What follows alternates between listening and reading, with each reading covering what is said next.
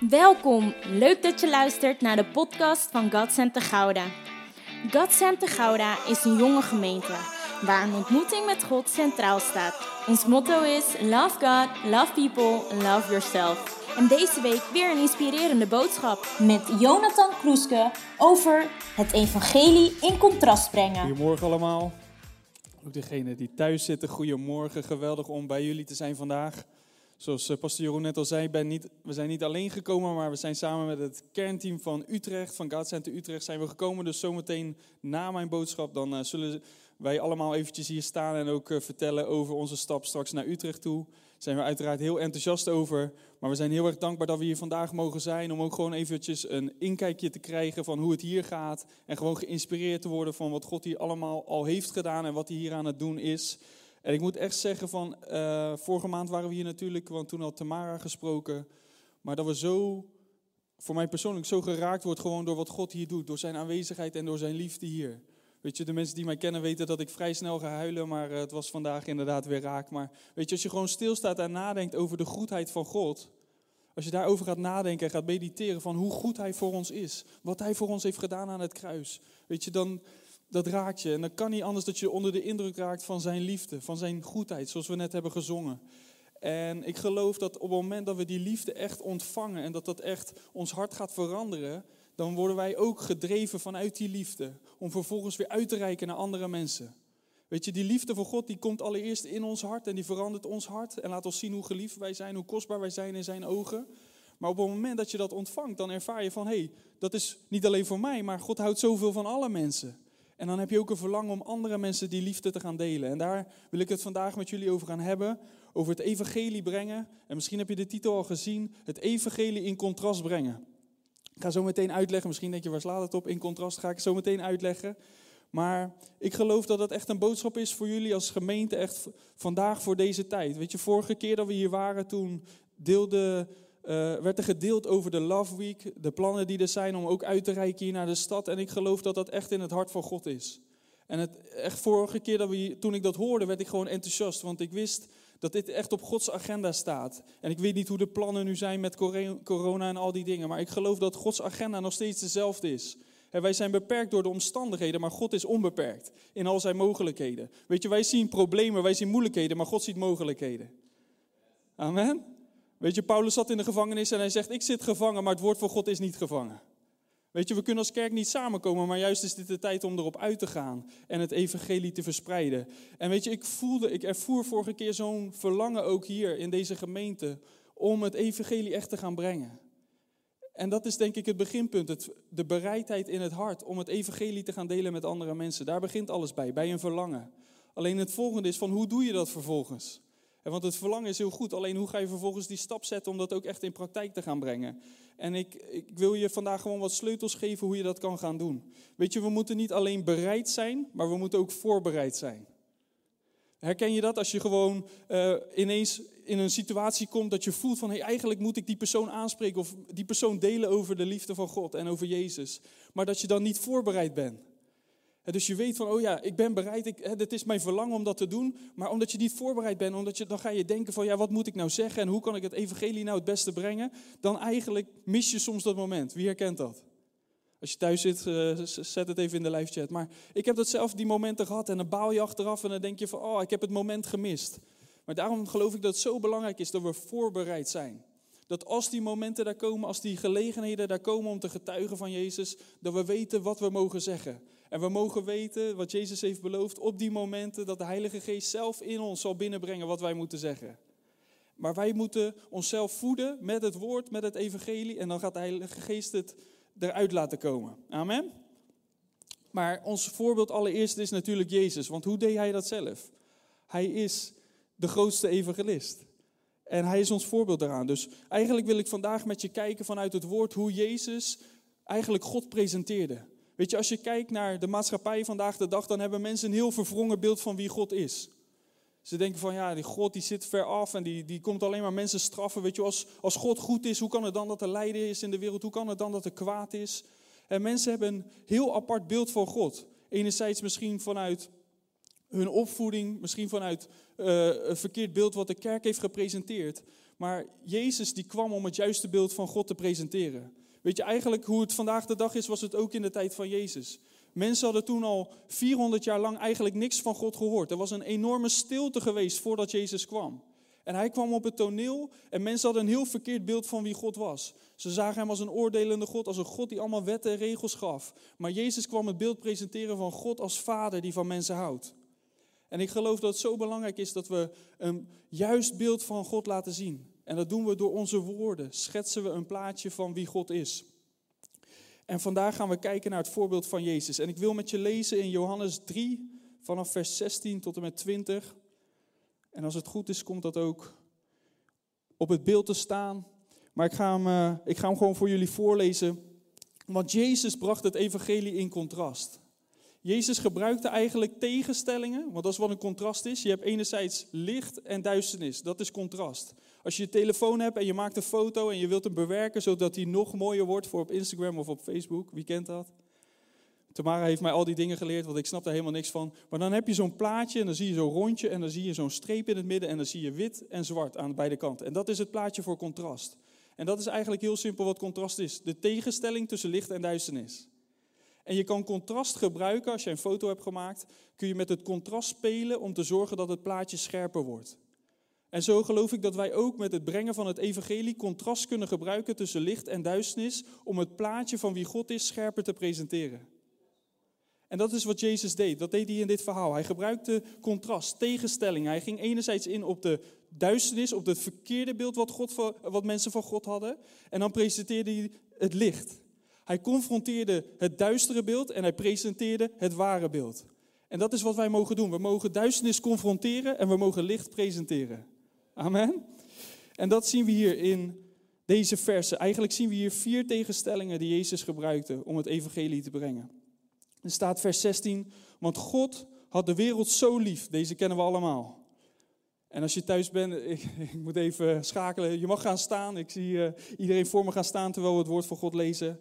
Er staat, want God had de wereld zo lief dat hij zijn enige zoon heeft gegeven, opdat iedereen die in hem gelooft niet verloren gaat, maar eeuwig leven heeft.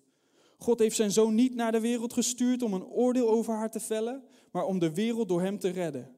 Over wie in hem gelooft, wordt geen oordeel uitgesproken, maar wie niet in hem gelooft, is al veroordeeld, omdat hij niet wilde geloven in de naam van Gods enige zoon. En dit is het oordeel. Het licht kwam in de wereld en de mensen hielden meer van de duisternis dan van het licht, want hun daden waren slecht. Wie kwaad doet, haat het licht. Hij schuwt het licht, omdat anders zijn daden bekend worden. Maar wie oprecht handelt, zoekt het licht op, zodat zichtbaar wordt dat God werkzaam is in alles wat hij doet. Amen. Voor zover de tekst die ik met jullie wilde lezen. Maar eigenlijk zien wij in deze versen zien wij vier tegenstellingen, vier keer contrast wat Jezus gebruikte om de Vader, om het evangelie te brengen. De eerste is in vers 16, daar zegt hij, hè, die kennen we natuurlijk allemaal, God heeft de wereld zo lief. En dan staat er, opdat iedereen die in hem gelooft, niet verloren gaat, maar eeuwig leven hebben. Dus hij gebruikt hier de tegenstelling, hij gaat in op het beeld wat mensen hadden, dat, dat God een straffende God is. En hij zegt van God heeft zijn zoon gezonden opdat de wereld niet verloren gaat, dus hij, hij zegt eigenlijk van, hij confronteert dat verkeerde beeld en dan zegt hij, maar dat ze eeuwig leven zullen hebben. En zo gebruikt Jezus hier die tegenstelling tussen licht en duisternis om te laten zien wie God is. En Jezus maakt hier heel duidelijk, God wil niet dat mensen verloren gaan. God wil niet dat mensen verloren gaan. Weet je, God heeft er alles aan gedaan om te zorgen dat mensen gered kunnen worden. Weet je, sommige mensen hebben een verkeerd beeld van God en denken dat God een soort sadist is. Of dat hij gewoon zegt van, oh ja, die wil ik wel laten redden en die niet, die mag verloren gaan. Alsof, er, alsof hij de ene wel kiest en de ander niet. Maar de Bijbel zegt dat in de ogen van God iedereen gelijk is. En iedereen krijgt de gelijke kans. En God geeft ieder mens de vrijheid om voor hem te kiezen of tegen hem te kiezen. Maar we hebben allemaal dezelfde uitgangspositie. En Gods verlangen is dat ieder mens gered wordt. Hij wil niet dat er ook maar één mens verloren gaat, zegt de Bijbel. Maar hij wil dat alle mensen komen tot de erkenning van de waarheid en dat ze gered zullen worden. Dat is Gods verlangen. Hij is die vader die zijn armen wijd uitstrekt naar de wereld en, en, en verlangt dat ze tot hem zullen komen. En weet je, als we kijken naar Jezus, dan zien we dat. Dan zien we dat beeld van die vader. Weet je, zijn naam betekent God redt. De kern van wat Jezus kwam doen is laten zien, God redt. Ja, je zit in moeilijkheden. Ja, je hebt te maken met zonde. Ja, je zit gevangen in bepaalde dingen, maar God redt. Hij wil niet dat je verloren gaat. Hij wil dat je eeuwig leven hebt. En wat is dan dat eeuwige leven? Want wij denken vaak over, ja, weet je, als je gered bent, dan ga je naar de hemel en dat is dan het eeuwige leven. Maar Jezus zegt daarover in Johannes 17, vers 3, hij zegt, dit is het eeuwige leven, dat zij u kennen, de enige waarachtige God en hem die u gezonden heeft. Dus het eeuwige leven begint op het moment dat jij erkent dat God de enige waarachtige God is en dat Jezus zijn zoon is en door hem gezonden is naar deze wereld om ons te redden. Dat is het enige. Op het moment dat wij erkennen dat God de enige weg is en dat Jezus de zoon is waardoor wij gered kunnen worden, that's it. Dat is het enige wat wij hoeven te doen om het eeuwige leven te ontvangen. Dus het eeuwige leven komt door Jezus te kennen en te erkennen dat Hij het is. En daardoor krijg je het eeuwige leven. Maar tegenovergestelde is dus ook waar. Als je Hem niet erkent en als je Hem niet kent, als je niet die persoonlijke relatie met Hem hebt, dan ga je verloren. Dat is niet Gods wil, maar dat is wel de realiteit. We kunnen alleen maar door Hem gered worden. Petrus die zegt het zo, er is maar één naam, zegt hij, waardoor mensen gered kunnen worden. En dat is die naam van Jezus. Er is maar één naam waarin behoud is. Dat is de naam van Jezus, Handelingen 4, vers 12. Dus die boodschap is ook zwart-wit. Of je wordt gered, of je gaat verloren. En dat lijkt keihard. Maar de oplossing is Jezus. Dus Mensen kunnen het idee hebben van, maar ja, God is toch goed, hij, kan, hij wil toch niet dat, weet je wel, dat mensen de eeuwigheid zonder hem doorbrengen. Nee, klopt. En daarom heeft hij die oplossing aangeboden. Heeft hij zijn zoon gezonden. Heeft Jezus de straf voor ons gedragen aan het kruis, zodat de weg vrij is. En iedereen die in hem gelooft, eeuwig leven kan ontvangen. En ik geloof dat Jezus ook zo zwart-wit het is en ook het evangelie zo zwart-wit brengt, omdat hij wil dat de boodschap duidelijk overkomt. En vaak zijn wij toch een beetje, hè, in onze maatschappij gaat het allemaal over tolerantie en we moeten elkaar gewoon allemaal respecteren en de ruimte geven. En blijven we toch een beetje in dat grijze gebied. En vinden we het moeilijk om echt zwart-wit zo te vertellen waar het op staat. Maar dat is wel wat Jezus deed. Weet je, hij wond er geen doekjes om. Hij gaf die fariseeërs, die, die schriftgeleerden, die zo schijnheilig eigenlijk waren en vol van hun eigen gerechtigheid, die dachten dat ze vanuit zichzelf wel recht tegenover God konden staan, die gaf hij er van langs. Maar aan de andere kant gaf hij genade aan de mensen die in zonde gevangen zaten. En ik geloof dat wij ook zo mogen zijn. Dat we hard mogen zijn tegen de leugens over God. Dat we die duisternis mogen confronteren. Die leugens, die verkeerde denkbeelden over wie God is. En tegelijkertijd zijn liefde presenteren aan een wereld die gebroken is. Dat is waar God ons voor geroepen heeft. Dus de eerste contrast is, God wil niet dat mensen verloren gaan, maar hij wil dat ze eeuwig leven hebben. Het tweede is, en dat zien we in vers 17, er staat, God heeft zijn zoon niet naar de wereld gestuurd om een oordeel over haar te vellen, maar om de wereld door hem te redden. Dus hier zien we het tweede contrast. God wil niet, Jezus is niet gekomen om te oordelen, maar om te redden. Jezus is niet gekomen om de wereld te veroordelen.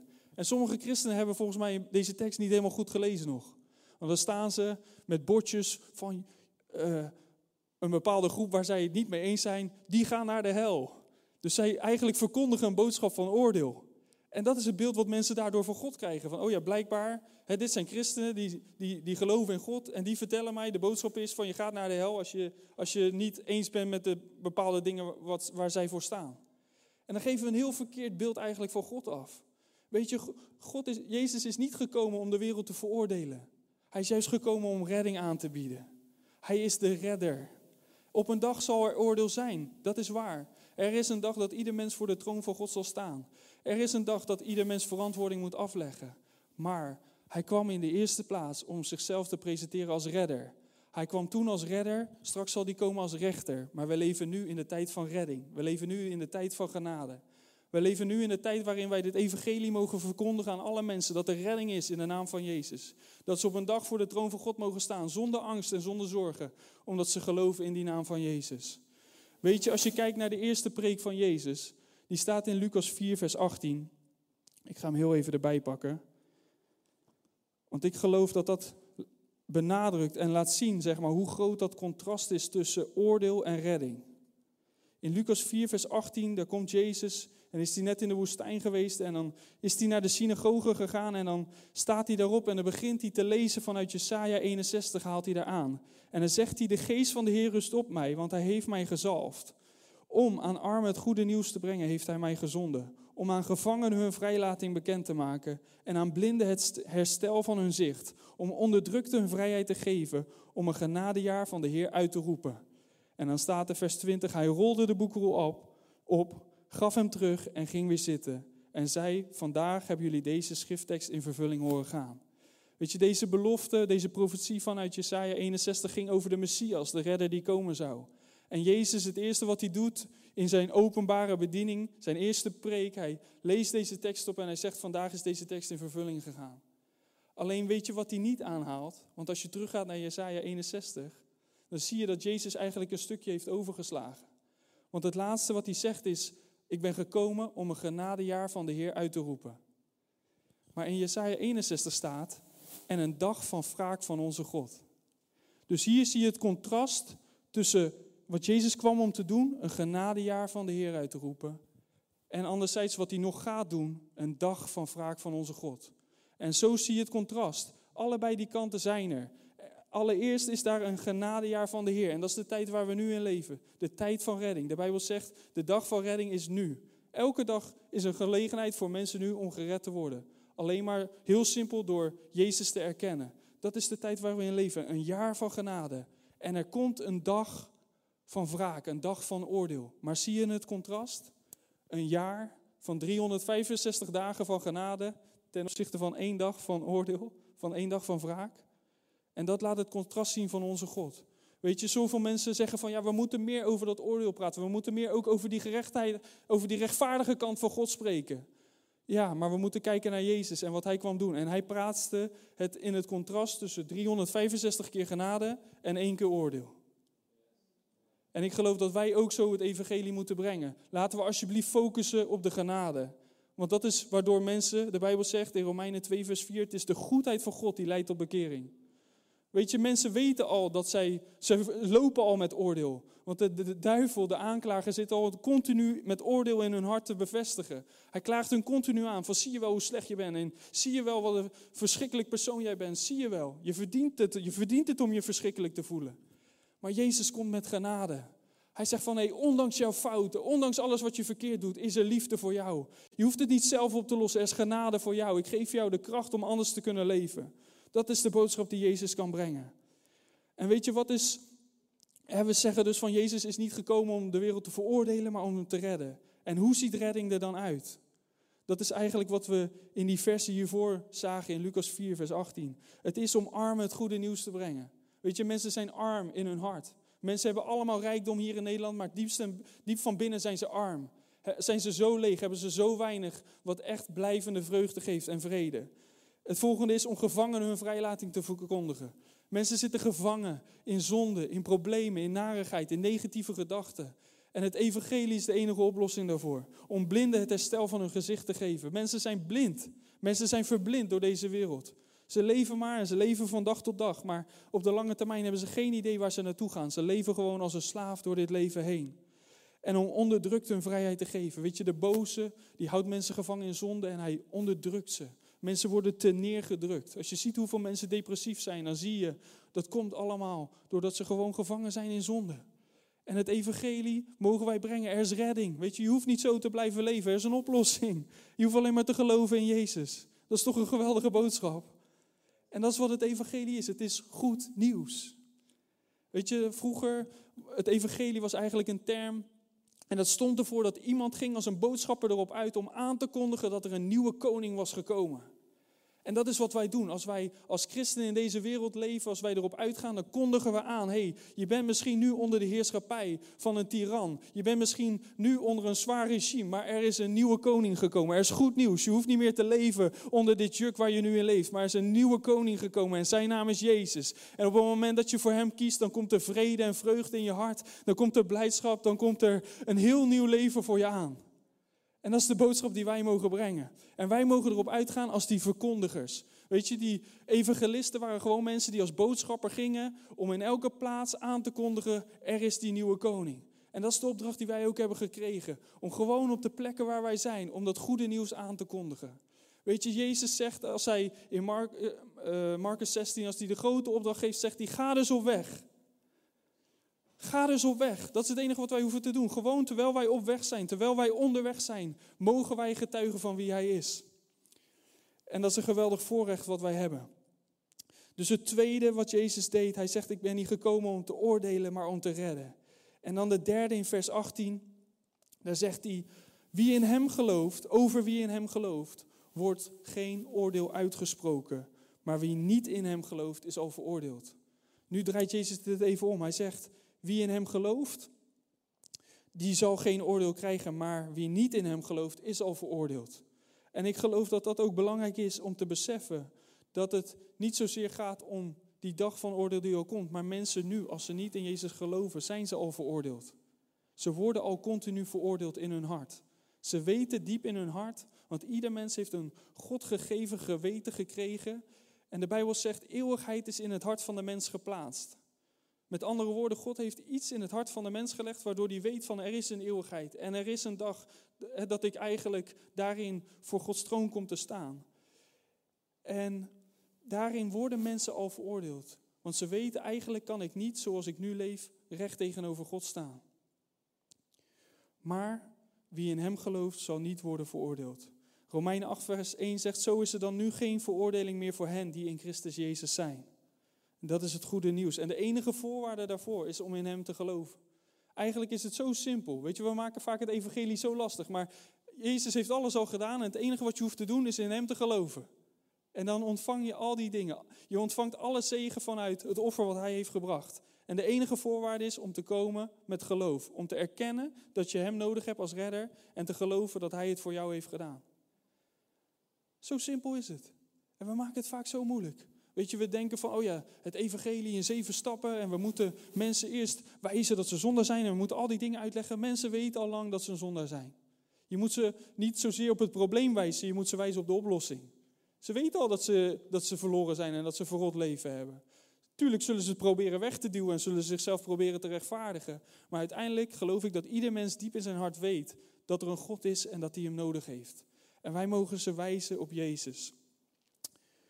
Amen. En dan gaan we even naar de laatste. Dus het derde contrast is dat als je in Hem gelooft, dan is er geen oordeel, maar in, is er geen oordeel meer. Maar als je niet in Hem gelooft, dan ben je al veroordeeld. Waarom? Omdat je niet wilde geloven in de naam van Gods enige Zoon. En dan vers 19 staat uitgelegd wat dan dat oordeel is. Er staat, dit is het oordeel. Het licht kwam in de wereld en de mensen hielden meer van de duisternis dan van het licht. Want hun daden waren slecht. Weet je, als jij het evangelie in contrast brengt, dan brengt dat het contrast in mensen naar boven. Jezus presenteerde het evangelie zwart-wit. En dat liet vervolgens ook in, hun, in zijn toehoorders, in de mensen, bracht dat het zwart of het wit naar boven. Het bracht het licht of het duisternis naar boven. Weet je, het evangelie brengt naar boven wat er in het hart van een mens is. Het woord van God snijdt dieper, zegt de Bijbel, dan gedachten en over, het openbaart de diepste gedachten en overleggingen van het hart. Dat is wat het woord van God doet. En dat is wat we ook hier zien. Weet je, Jezus in dit verhaal in Johannes 3 is in gesprek met Nicodemus. En weet je wat zo mooi is? Jezus confronteert hem hier ook in liefde. Hij presenteert hem, want Nicodemus, als je de versen daarvoor leest, dan zie je dat Nicodemus een heel raar beeld had van God. Jezus vertelt hem over dat hij opnieuw geboren moet worden. En Nicodemus die, die begrijpt er niks van. Hij zegt, moet ik dan opnieuw in de buik van mijn moeder en dan er weer uitkomen? Hoe kan dat nou? dus je ziet hier van Nicodemus, die had er niks van begrepen maar Jezus presenteert hem het evangelie, laat hem eigenlijk zien wie hij is en waarvoor hij gekomen is. En dan gaat hij hem hier aan het eind ook in liefde confronteren. Want hij zegt in vers 20, daar zegt hij, maar wie oprecht handelt, oh sorry, wie kwaad doet, haat het licht. Hij schuwt het licht omdat anders zijn daden bekend worden. Maar wie oprecht handelt, zoekt het licht op, zodat, zodat zichtbaar wordt dat God werkzaam is in alles wat hij doet. Weet je, als je dit vers op zichzelf leest, dan denk je van, oh ja, oké, dat licht en dat duisternis, Jezus gaat dat eigenlijk opnieuw benadrukken. Maar als je aan het begin van hoofdstuk 3 leest, dan staat er, zo was er een fariseer met de naam Nicodemus en hij kwam in de nacht naar Jezus toe. Weet je, waarom ging hij in de nacht naar Jezus toe? Omdat hij bang was om met Jezus gezien te worden. En Jezus heeft hier eigenlijk zichzelf gepresenteerd. Hij heeft het evangelie gebracht. En dan aan het eind zegt hij, wie het licht schuwt, gaat ervan weg. Eigenlijk spreekt hij hier Nicodemus direct aan. Want Nicodemus die wist van, hé, hey, eigenlijk ga ik... Hij wist waarom hij s'nachts Jezus opzocht. En we zien hier dat Jezus hem in liefde confronteert. En hem laat zien eigenlijk wat er in zijn hart zit. En ik geloof dat dat laat zien wat het effect is van het evangelie. Dat mensen twee reacties kunnen hebben. Als wij het evangelie presenteren, als wij God laten zien zoals hij werkelijk is. Het ene is, ze zullen het licht schuwen of ze zullen het licht opzoeken. En dat is niet onze verantwoordelijkheid. Er zullen mensen zijn die zeggen van ik wil daar niks mee te maken hebben. Ja, leuk verhaal, goed voor jou, maar ik wil daar niks mee te maken hebben. Dat is oké, want mensen zijn vrij. God heeft ieder mens een vrije wil gegeven. God houdt zoveel van mensen dat hij hun vrijheid plaatst boven hun veiligheid. Weet je, wij zouden willen van, hè, als wij misschien als ouders zouden zijn, of wij zouden zeggen, als ik God was, dan zou ik ieder mens duwen naar die plek dat ze gered zouden worden. Maar God heeft mensen vrije wil gegeven. En hij respecteert die vrije wil zo erg, dat hij zelfs toelaat dat ze daardoor verloren kunnen gaan. Weet je, hij zelf heeft er alles aan gedaan dat mensen gered kunnen worden. Alleen hij laat het nog steeds aan de mens zelf om te kiezen of ze daarop ingaan of niet. Of ze dat aanbod van Jezus, wat hij heeft gedaan, of ze dat accepteren of dat ze dat afwijzen. En wij als mensen vinden dat vaak moeilijk. Als wij het evangelie delen, als wij getuigen van wie Jezus is, vinden we het moeilijk als mensen dat niet aannemen. Want wij voelen die afwijzing ergens ook persoonlijk. Maar we vinden het ook moeilijk omdat ze Jezus afwijzen en omdat we weten dat ze Hem nodig hebben. Maar we mogen net als Jezus eigenlijk in de rust blijven.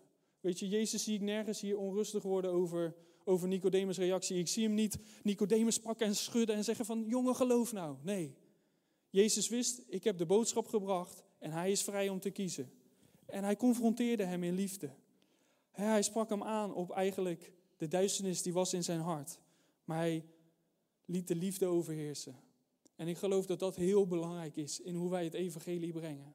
Zwart-wit, duidelijk in waarheid. Mensen laten zien hè, wie God is en het juiste beeld van Hem presenteren. En dat ze Hem nodig hebben, dat ze gered moeten worden. Maar altijd de liefde laten overheersen. Weet je, als mensen geen liefde voelen, proeven in ons, als wij het evangelie brengen, dan hebben we het helemaal verkeerd gedaan. Want Jezus, de kern van wat Hij kwam brengen, is laten zien, God is liefde. En ik geloof dat dat altijd de boventoon zal moeten voeren in, in ons getuigen, in wie wij zijn, gewoon in ons leven. En dat dat zichtbaar is voor mensen.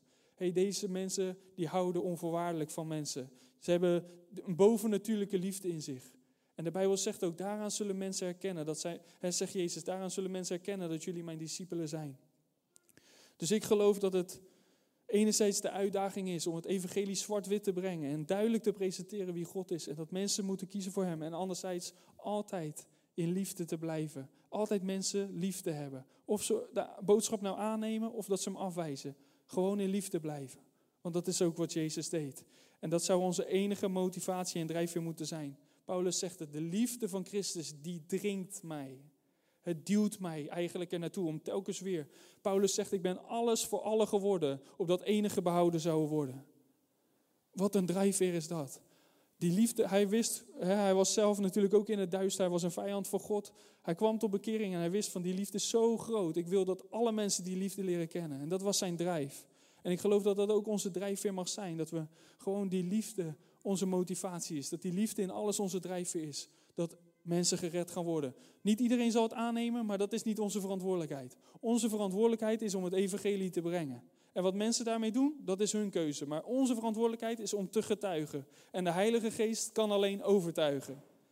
En dat is de fout die we ook soms maken. Dan gaan we mensen proberen te overtuigen. Gaan we discussiëren. Gaan we ze proberen te duwen. En weet je wat het creëert? Afstand. Terwijl je wilt mensen winnen, maar dat kan alleen door liefde. Dat is een bovennatuurlijk werk wat God moet doen in iemands hart. En liefde opent de deur. Als jij laat zien van, hé, hey, maakt mij niet uit als je me uitscheldt. Het maakt me niet uit als je tegen die boodschap gaat schoppen. Als je God belachelijk maakt of al die dingen. Nee, ik blijf gewoon in de rust. Joh, je kan doen wat je wilt. God is nog steeds God. Het evangelie blijft nog steeds staan. Wat, jij, wat jouw redenaties ook zijn, wat jouw gedachten ook zijn. Het evangelie blijft hetzelfde. En daar blijf ik gewoon voor staan. En dat is onze motivatie en onze drijfveer, wat we altijd mogen vasthouden. Ik wil met jullie afsluiten, eigenlijk een proclamatie, geloof ik, over, over jullie, over ons, over God Center Gouda. En dat staat in Jesaja 60. En dan zien we opnieuw heel duidelijk dat contrast staan. Jesaja 60, vers 1 en 2. Daar zegt de profeet, sta op en schitter, want je licht is gekomen. Over jou schijnt de luister van de Heer. Duisternis bedekt de aarde en donkte de naties, maar over jou schijnt de Heer. Zijn luister is boven jou zichtbaar. Volken laten zich leiden door jouw licht. Koningen door de glans van je schijnsel. Open je ogen, kijk om je heen. Ze stromen in drommen naar je toe. Je zonen komen van ver, je dochters worden op de heup gedragen. Je zult stralen van vreugde als je het ziet. Je hart zal van blijdschap overslaan. En ik geloof dat deze tekst echt is voor, deze, voor dit huis en voor deze tijd. En ik wil het gewoon uitspreken. God Santa Gouda, sta op en schitter. Jij hier, Christi, sta op en schitter. Ga staan in de heerlijkheid van God die over jou is. Ga staan in die overtuiging dat God met jou is. Weet je, vaak zijn we nog zo bescheiden en eigenlijk zo terughoudend, maar we mogen weten, de luister van God, eigenlijk de spotlight van God is op ons. Weet je, Jezus is teruggegaan naar de hemel en hij heeft eigenlijk het stokje aan de gemeente overgegeven. En wij mogen dat licht zijn in deze wereld. En we moeten daarin gaan staan. We mogen gaan staan en dat licht laten schijnen. En over ons schijnt Gods heerlijkheid. Duisternis is over de aarde gekomen. We zien duisternis in de wereld om ons heen. Maar over jullie, God Center Gouda, zal mijn licht opgaan. Mensen uit alle volken, alle afkomsten, allerlei achtergronden, allerlei religies zullen komen naar dit licht. En invloedrijken zullen onder de indruk zijn van de impact die God doet in dit huis. Open je ogen en kijk om je heen. De mensen stromen in drommen naar je toe. Zonen en dochters. Mensen die kinderen van God zullen worden door het evangelie wat gepresenteerd zal worden in dit huis. En jullie zullen stralen van vreugde. En jullie hart zal vol zijn van blijdschap, zegt de Heer. Ik geloof dat het komende jaar een jaar zal zijn van geweldige oogst. Weet je, de wereld zegt het is er een verschrikkelijke tijd. Alles is moeilijk, alles is lastig. Maar Gods tijd is vandaag de dag nog steeds de tijd van redding. Het is nog steeds een genadejaar van de Heer. Er zal een dag van oordeel komen, maar, maar we mogen weten dat vandaag de tijd is van redding en dat het een tijd is van oogst. Jezus zegt, de oogst is groot, maar de arbeiders zijn weinig. Bid daarom de Heer van de oogst, dat hij arbeiders zal uitzenden in de oogst. En ik bid dat vandaag in God Center Gouda en jij thuis, terwijl je kijkt, dat God jouw hart opwekt. En dat je zal gaan staan in dat licht wat God je heeft gegeven. En dat je zal zeggen, ja, ik wil een arbeider zijn in de oogst. Ik sla mijn ogen op en ik zie dat de oogst groot is. Ik open mijn ogen voor de werkelijke nood van de mensen om mij heen. Ik open mijn ogen voor de diepe nood waar mensen mee zitten. Ik weet dat ze verloren zijn en ik wil het niet aan de kant zetten, maar ik wil mijn ogen ervoor openen en ik wil het licht brengen. Ik wil het evangelie brengen. Ik wil Jezus presenteren aan de mensen om mij heen. Ik wil overal waar ik kom, wil ik komen als een gezant, als een verkondiger van dit goede nieuws. En ik bid dat elke schroom en elke angst van je af zal vallen en dat je niet bang zal zijn om te gaan en dat je niet bang zal zijn om te verkondigen, want God is met jou. Over jou schijnt zijn licht. Zijn heerlijkheid zal over jou gezien worden. Wees niet bevreesd wat je zou moeten zeggen, maar weet dat God met jou is en dat zijn licht op jou is. Dat zijn hand met jou is. En dat zijn geest in jou werkt. En dat zijn geest het is die het overtuigen doet. Jij hoeft alleen maar te getuigen. En de Heilige Geest zal overtuigen. Ik geloof dat vele mensen tot redding gaan komen in het komende jaar. Ik geloof dat God zoveel mensen op het oog heeft. Weet je, de Bijbel zegt Gods ogen gaan over de hele aarde. Op zoek naar iemand wiens hart volledig naar hem uitgaat. Zodat hij diegene kan bijstaan met kracht. En ik geloof dat vandaag de dag dat God ook zegt. Hé, hey, wie is daar? Wiens hart naar mij uitgaat uitgaat, wie het uitroept naar mij, zodat ik hem kan bijstaan met kracht. God wil jou kracht geven. Hij heeft jouw hart al gezien. Hij heeft jouw bewogenheid al gezien. Hij heeft de nood van de mensen om je heen al lang gezien. En hij heeft alles al gedaan, zodat ze gered zouden worden. Maar hij zegt, wie kan ik zenden? Wie zal er gaan? Wie zal er voor mij uitgaan? Wie zal het ze vertellen? De Bijbel zegt, hoe kunnen ze geloven als er niemand gezonden is? Wie zal het hun verkondigen? En ik geloof dat dat onze taak is. En ik geloof dat dat onze opdracht mag zijn. Dat wij brengers mogen zijn van het goede nieuws. En dat we onbevreesd, zonder spanning, zonder zorgen, zonder angst. Gewoon zoals wij zijn, door God gebruikt kunnen worden om dat licht te laten schijnen. Ik wil je vragen om voor een moment, ook al ben je thuis of hier, om gewoon te gaan staan en je handen op te heffen. En laten we samen dit gebed bidden. Zeg, Heer, hier ben ik. Ik stel mijzelf beschikbaar. Heer, ik kan het niet vanuit mijzelf. Maar u heeft beloofd dat u uw geest zou geven dat u ons met kracht zou aangorden. Zodat wij uw getuigen zouden zijn. En dat we zouden gaan op de plek waar we zijn. Overal waar we komen. Om dat licht te brengen. Heer, ik stel mezelf beschikbaar. En ik zeg, Heer, doe wat u wil. Door mij heen. In Jezus' naam. Amen. Amen. We hopen dat deze boodschap je geïnspireerd, geactiveerd en gemotiveerd heeft in je wandel met God. Deel deze boodschap ook op je socials, zodat vele anderen met jou hierdoor geïnspireerd mogen worden. Ontmoeten we elkaar snel een keer? Zondag om 10 uur tijdens de livestream van God Santa Gouda.